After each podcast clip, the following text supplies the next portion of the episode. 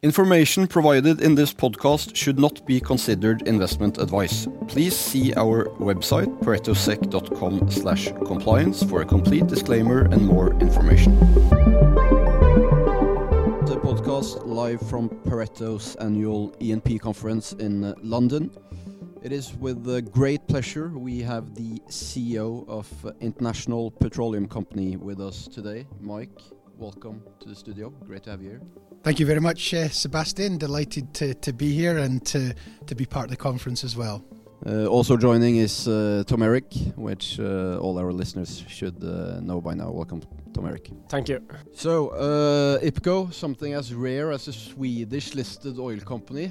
obviously, that is due to the fact that you are one of the Lundin companies, the Lundin Group owning around 30% of your uh, company, and you were spun out, obviously, of from uh, Lundin Petroleum back in uh, back in 2017. Market cap is 1.4 billion dollars, and um, we discussed a bit before the podcast, Mike, that even though we would like to focus on the future, I think it's important to look back at the history of IPCO to understand what kind of company you have built.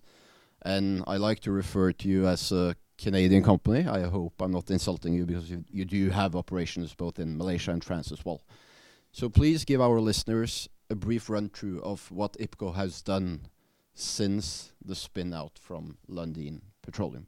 Yeah, thank you very much, Sebastian. And yeah, really, I guess if we if we look at what IPCO has achieved over these last six six years or so, um, and, and looking back, I think we can be quite proud of where the company stands today. I mean, really, the the the big idea back then by the the Lundin family was we we had a huge business in Norway with with Lundin Petroleum, and we had some assets in production, good assets generating decent cash flow, but didn't necessarily fit within this huge Norwegian company and You'll probably recall back in late 2016, we'd just come out the back of an oil price meltdown, and the market was in was in a mess. So it wasn't certainly wasn't the kind of market environment where you'd want to be selling those assets. So we felt we could create the most value for shareholders by spinning those assets out and by putting in place a new focused um, management team.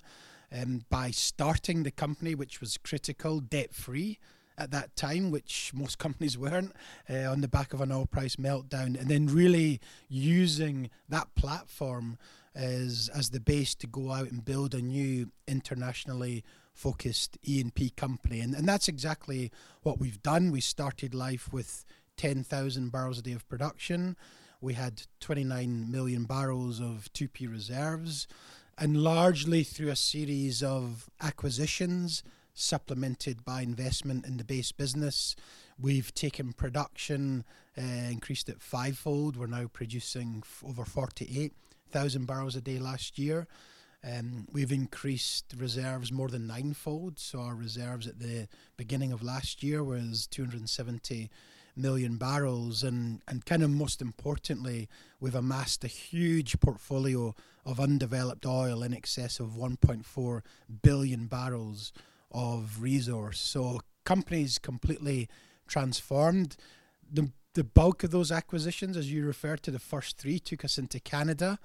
Um, Canada's the biggest resource owner and producer behind uh, Saudi Arabia and Venezuela, but you know there's uh, a much more favourable political and fiscal environment there.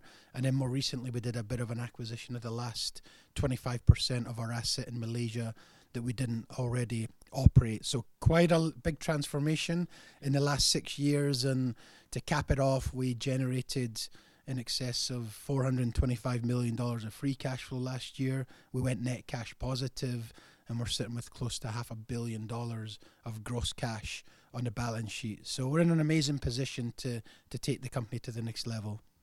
I want to touch a bit into the acquisitions you have done, because obviously one thing is to do an acquisition, but uh, if you look at the value you have added from those four acquisitions, with Black Pearl adding the most, obviously being the biggest, but uh, Bertam, 25% acquired for free, uh, is also quite impressive. Ta take us through maybe starting with Black Pearl being the biggest how we have been able to extract so much value from those acquisitions?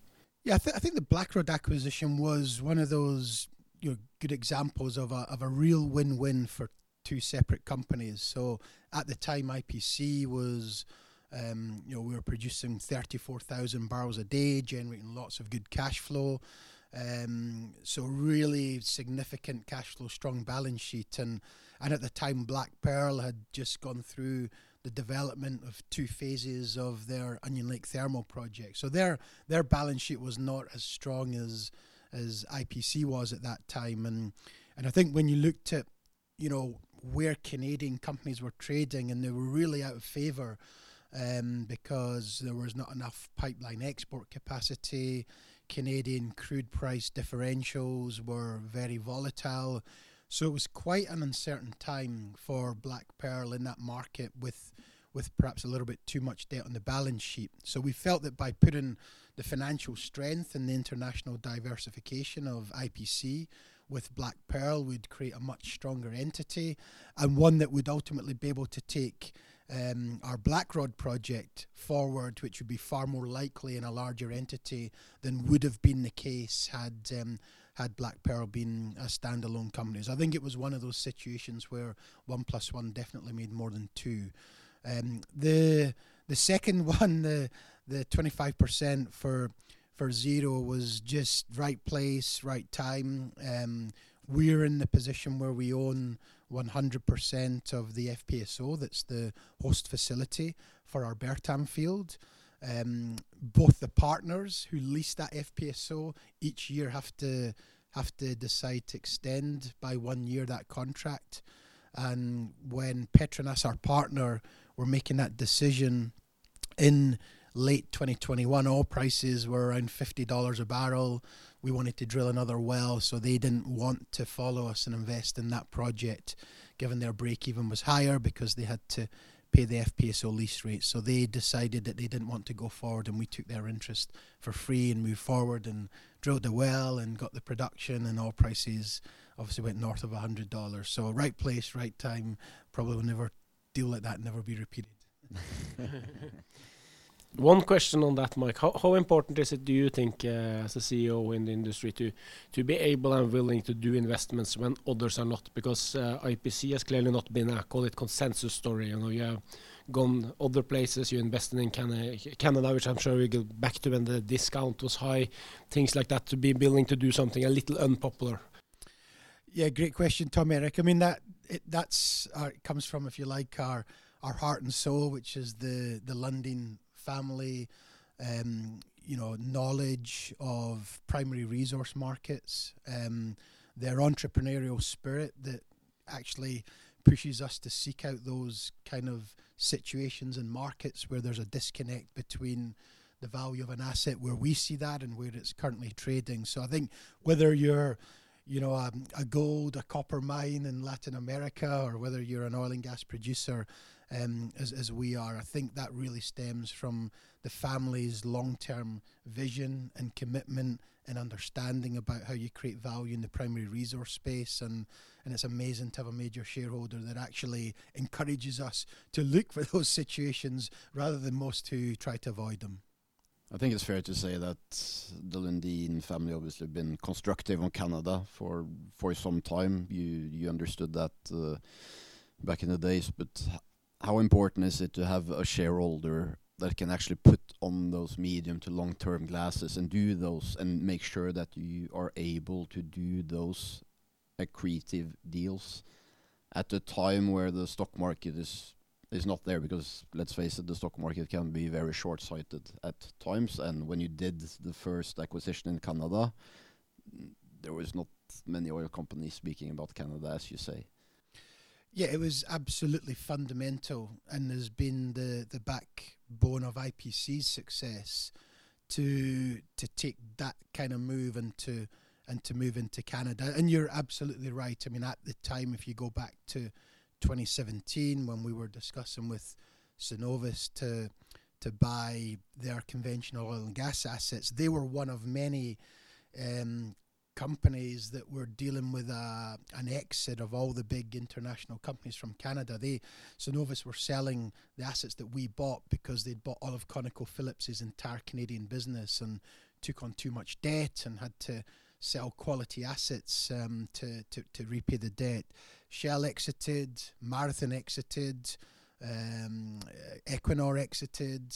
Um, more recently, you've seen Devon exit. So there was a real exodus of international companies. And I guess that coincided with the whole shale boom and revelation at Let's Go Home and, yeah. and chase the hottest player on the planet. And, and the, the Lundins took the exact opposite view, where all the money was chasing the, the new hot play and things were overpriced. And that, if you like, that demand for assets disappeared. That's exactly the kind of market that we were attracted to. And that's what drew us into the company because you had that combination of no willing buyers and you had the local independents who were still suffering with balance sheet stress, having come out of the back of the, the late 2015, early 2016 oil price melt meltdown. So it was a really it, it, was those combination of factors that we felt this is a great place for us to be coming. But you had to take that long term view, yeah. and you had to take a view that the the volatility in Canadian prices there was going to be a solution in the future. And I think that's where the the Lundins are great at looking through the the obvious. I think what's also impressive is that one thing is obviously the industrial knowledge, which is the base for everything everything they do, but they they also understand that doing these things within Lundin Petroleum would not have been possible. So they understood that they had to spin it out to sort of go after the deals in Canada, which in hindsight have proven to be to be uh, very fortunate for the shareholders who have followed you on your journey since then. I want to talk a bit about the market in Canada because our listeners are maybe more familiar with the with the NCS. Obviously, it's a different type of oil, but infrastructure-wise, everything. How just give a short top-down uh, overview of the market in Canada for um, to our listeners. Yeah, so I mean the the big problem when we went into Canada is its, its key challenge over recent history has been it's a landlocked country. Yeah. It has one buyer of its oil, which is the is the US, and it has limited export connections to to the rest of international markets. And of course, if you're then faced with disruptions, whether that's pipeline exports that are temporarily out of service to the UK or whether it's US refineries are going through heavy maintenance periods, um, not having enough pipeline export capacity, certainly over the last five years, has been the biggest problem in Canadian markets. Now, thankfully, since Enbridge's Line 3 came into service in late 2021, um, for the first time in many years, you've now had more than enough pipeline capacity um, to deal with Canadian crude exports. And more importantly, by the end of this year, there's about another 600,000 barrels a day of pipeline export capacity will come into service out of Vancouver, the Trans Mountain pipeline expansion that for the first time will take Canadian crude to Asian markets. So no longer will Canada be a landlocked country. And what that should lead to is when you're looking at setting the price for Canadian crude and looking at the marginal barrel, it's obviously going to be far more attractive having the optionality to get those barrels to Asian markets. So although it was volatile in the past, and that was what drew us to Canada. We did see that things were going to get better, and certainly expect that to be the case within the next 12 months or so. Speaking about the price, because uh, you have some hedging in Canada, but you're mostly unhedged, and also in Malaysia and France. What what's your strategy on, the hedging? Is that something you evaluate all the time, or do you have a certain long-term strategy on the on the on the hedging? First point, we're extremely bullish on oil prices and benchmark oil prices.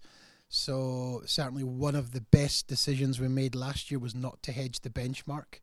Um, that was with a hundred dollar oil. That was obviously um, a good decision because a year ago you were looking at in excess of a ten dollar per barrel cost to carry if you wanted to hedge the the twelve month curve. So. Um, and we continue to be extremely bullish. Um, where we've seen the volatility, I talked about the pipeline situation. Um, early last year, we saw Canadian differentials come into as tight levels that we've seen for a long time, thirteen dollars per barrel. So at that point, we said let's lock in 60% of that risk factor, if you like. So we, we did that, and, and as differentials did widen with the SPR releases in the second half, those hedges turned out to, to be very favourable. Um, we've hedged for this year just the transportation component of the Canadian differential at $10 a barrel. That's in line with historical norms and is really just a hedge against an unknown transportation outage until Trans Mountain comes into service at the end of this year. So that particular risk factor we've taken off the market, but but no benchmark hedges, and we've got some more some more of an insurance that you're than necessarily an hedge on the oil, oil price. more of an insurance to deal with historical risk factors that should be disappearing by the end of the year, but still giving all of our investors full upside exposure to very, very tight physical markets. And of course, today investors are very focused on the Canadian pricing, and it's been that for a couple of years already. But do you think people will ask the same question two years from now? When you have that additional capacity coming on stream late this year, or, or, or will that be something that is then behind us? I think I think it's certainly you, you can never say it's going to be 100% behind us because in, in this industry there's always the unknown that that comes uh, that, that comes along. But I think when you look at the the physical infrastructure that turns Canada from a landlocked country to being an interconnected com- country, I think that materially changes the landscape that we haven't had before. So definitely the risk of the unknown happening should be far lower as we move forward. I want to touch touch on to the the future of of IPC. Obviously, you have guided for capex at approximately 170 million dollars. You are buying back stock uh, quite substantially. That's what you have said is the most value proposed uh, way to to return cash to shareholders given where you are trading. So you, bought back 12% of your stock last year and, cancelled the shares. Touching in to Blackrod, which probably is important for the future. What is the current status there? Yeah, it's a great question, Sebastian. So I think um, as we've been talking publicly for over a year now, we've spent the last 12 months um, really getting through our feed studies. So obviously trying to get greater certainty on on the scope of the project, getting ready for execution, um, tightening up the the cost estimates. Um, but I think when you you know when we take a a step back and look at what does Blackrod mean for IPC in the future, I mean our Again, I'll just re- remind the, the listeners our 2P reserves are 270 million barrels at the beginning of last year. Um, our Blackrod total reserves, 100% owned by IPC, is 1.3 billion barrels. Um, and just the first phase development that we are looking at right now is only the first 220 million barrels of that 1.3 billion barrels of discovered resource that's in the ground. Um, when we bought the company Black Pearl, um, the previous team had already invested $150 million on land acquisition, on seismic, on drilling appraisal wells, on piloting the reservoir and testing production and getting all the permits in place. So I think we're in a really fortunate position that we've got this project that has got, you know, the, the subsurface is extremely well understood. Um, we're looking at a phase one development of 30,000 barrels a day, and IPC last year produced 48,000 barrels a day. Um, so you're talking about significant material growth in production. Uh, you talk about significant increase in reserves. Clearly, you're going to see a huge increase in value and cash flow generation of the company. So it's a it's a very very important um, project for us to consider to, to really lift IPC to, to new heights in the in the coming years. 2022, obviously the uh, the year of inflation. How is the how is the availability of manpower, etc., in Canada uh, right now? How do you see that situation? I, th- I think Canada's in a much better situation than some of the the bottlenecks that we're seeing, for example, in the in the US shale patch. I mean, I mean ourselves, we had rigs running last year in investing in all the assets at Onion Thermal and Ferguson and on our Suffield oil property. So getting access, for example, to rigs and crews, you're still well below um, you know, the rig capacity that the Canadian industry has. So I don't think there's any issues on certainly on the drilling side and getting access to to, to, to those services. And the EPC contractor that we're working with. Um, they could obviously be involved in the in the fabrication and construction, and there there hasn't been a new large scale new development of uh, of a project like Blackrod in Canada in the last seven years. So you're not, it's not as if you're in a situation like in Norway where there's been a surge in PDOs approved because of the fiscal changes and a lot of the, you know, a lot of the service companies are, you know, have their order books full. I think it's quite a, a different situation in Canada, and that's why in that kind of typical Lundin fashion, I think getting ahead of the the next wave and showing that we've got a deep inventory in our portfolio and that we're growing into a tight physical market can really differentiate us from a lot of other companies who are just relying on those short cycle step up wells and actually don't have that long term growth potential. I think that really is going to set IPC aside from the competition and differentiate us. Just touch quickly into Malaysia and France. You will do some infill drilling in Malaysia. What what's the status? Um, yeah, so we so we did so that was that was in last year's program in in the first quarter. We after we took 100% ownership, we very successfully drilled um, our A15 well. Um, that was came on initially producing well in excess of a thousand barrels a day. It's been it's been a great addition. It paid back in less than in less than six months. And I think the big news more recently, and where the the biggest value addition that we've seen for our Malaysian business was the approval. We've been talking for more than two years with Petronas, and we were delighted to have received a 10 year extension to our production sharing contract, um, which was due to expire in late 2025. So that means we can continue to produce our Bertam field um, beyond 2030. So that was that was a big win-win for both us and for and for Petronas. Tom Erik, you asked in the uh, presentation that you held uh, previously for a very well uh, attended uh, audience, uh, Mike. Uh, how about the M&A market in the future? Because you have been very successful, as we have talked about, um, in the M&A market.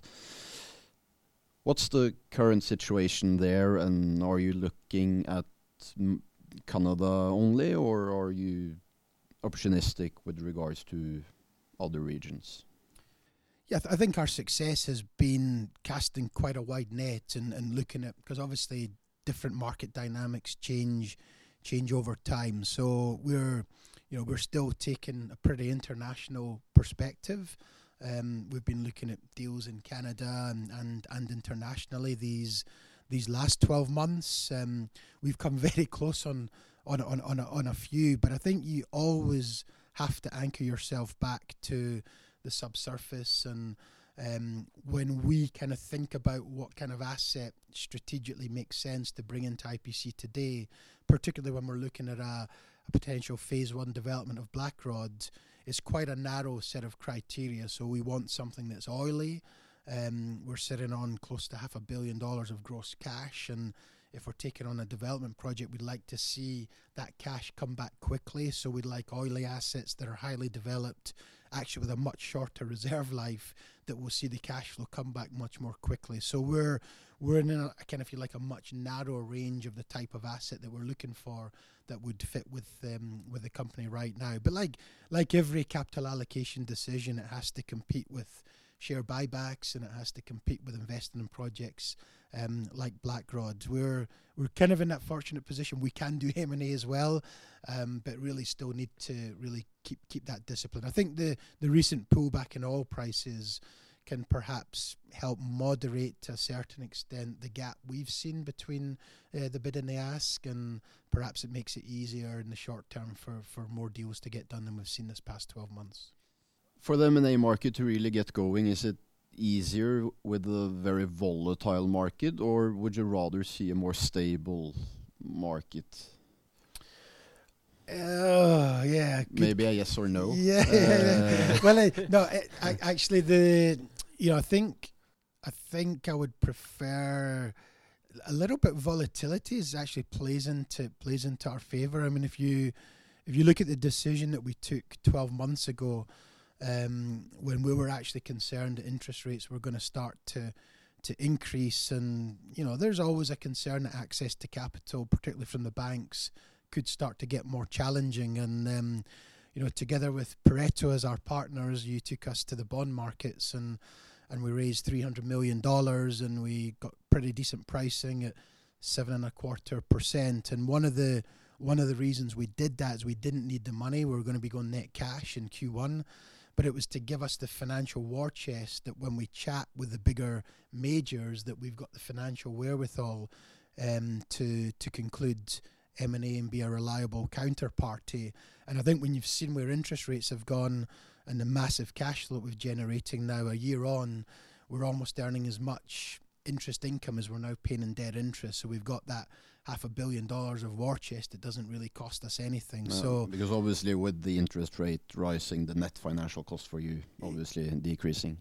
exactly. So I think I think that was you know that's obviously been a, a really positive thing um, for us to do. And I think in a volatile market, having gone early and raised the capital when we didn't need to do has put us in a far stronger position than perhaps other companies of our size and scale that didn't access the debt capital markets 12 months ago.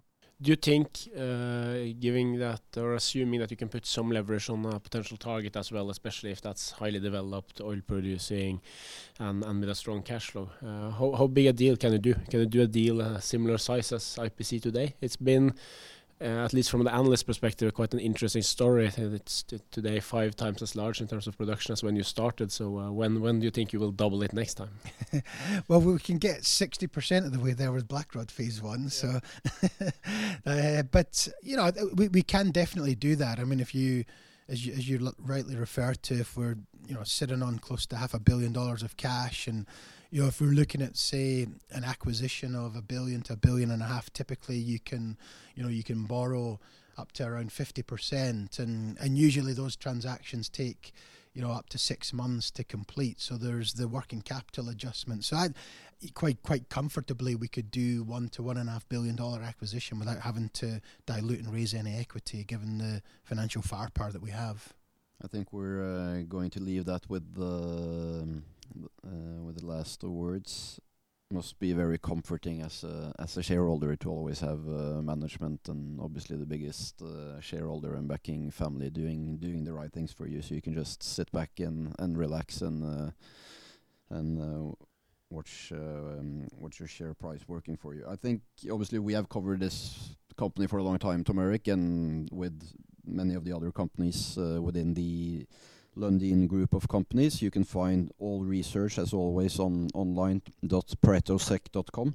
Mike, it's a great pleasure having you here and hear the story of IPC. I know you have a busy day with the one-on-one meetings. You're a sought-after man at this conference, obviously, and uh, very impressive the work you've done since um, since you were spun out, and we're looking forward to to uh, following you in the future as well.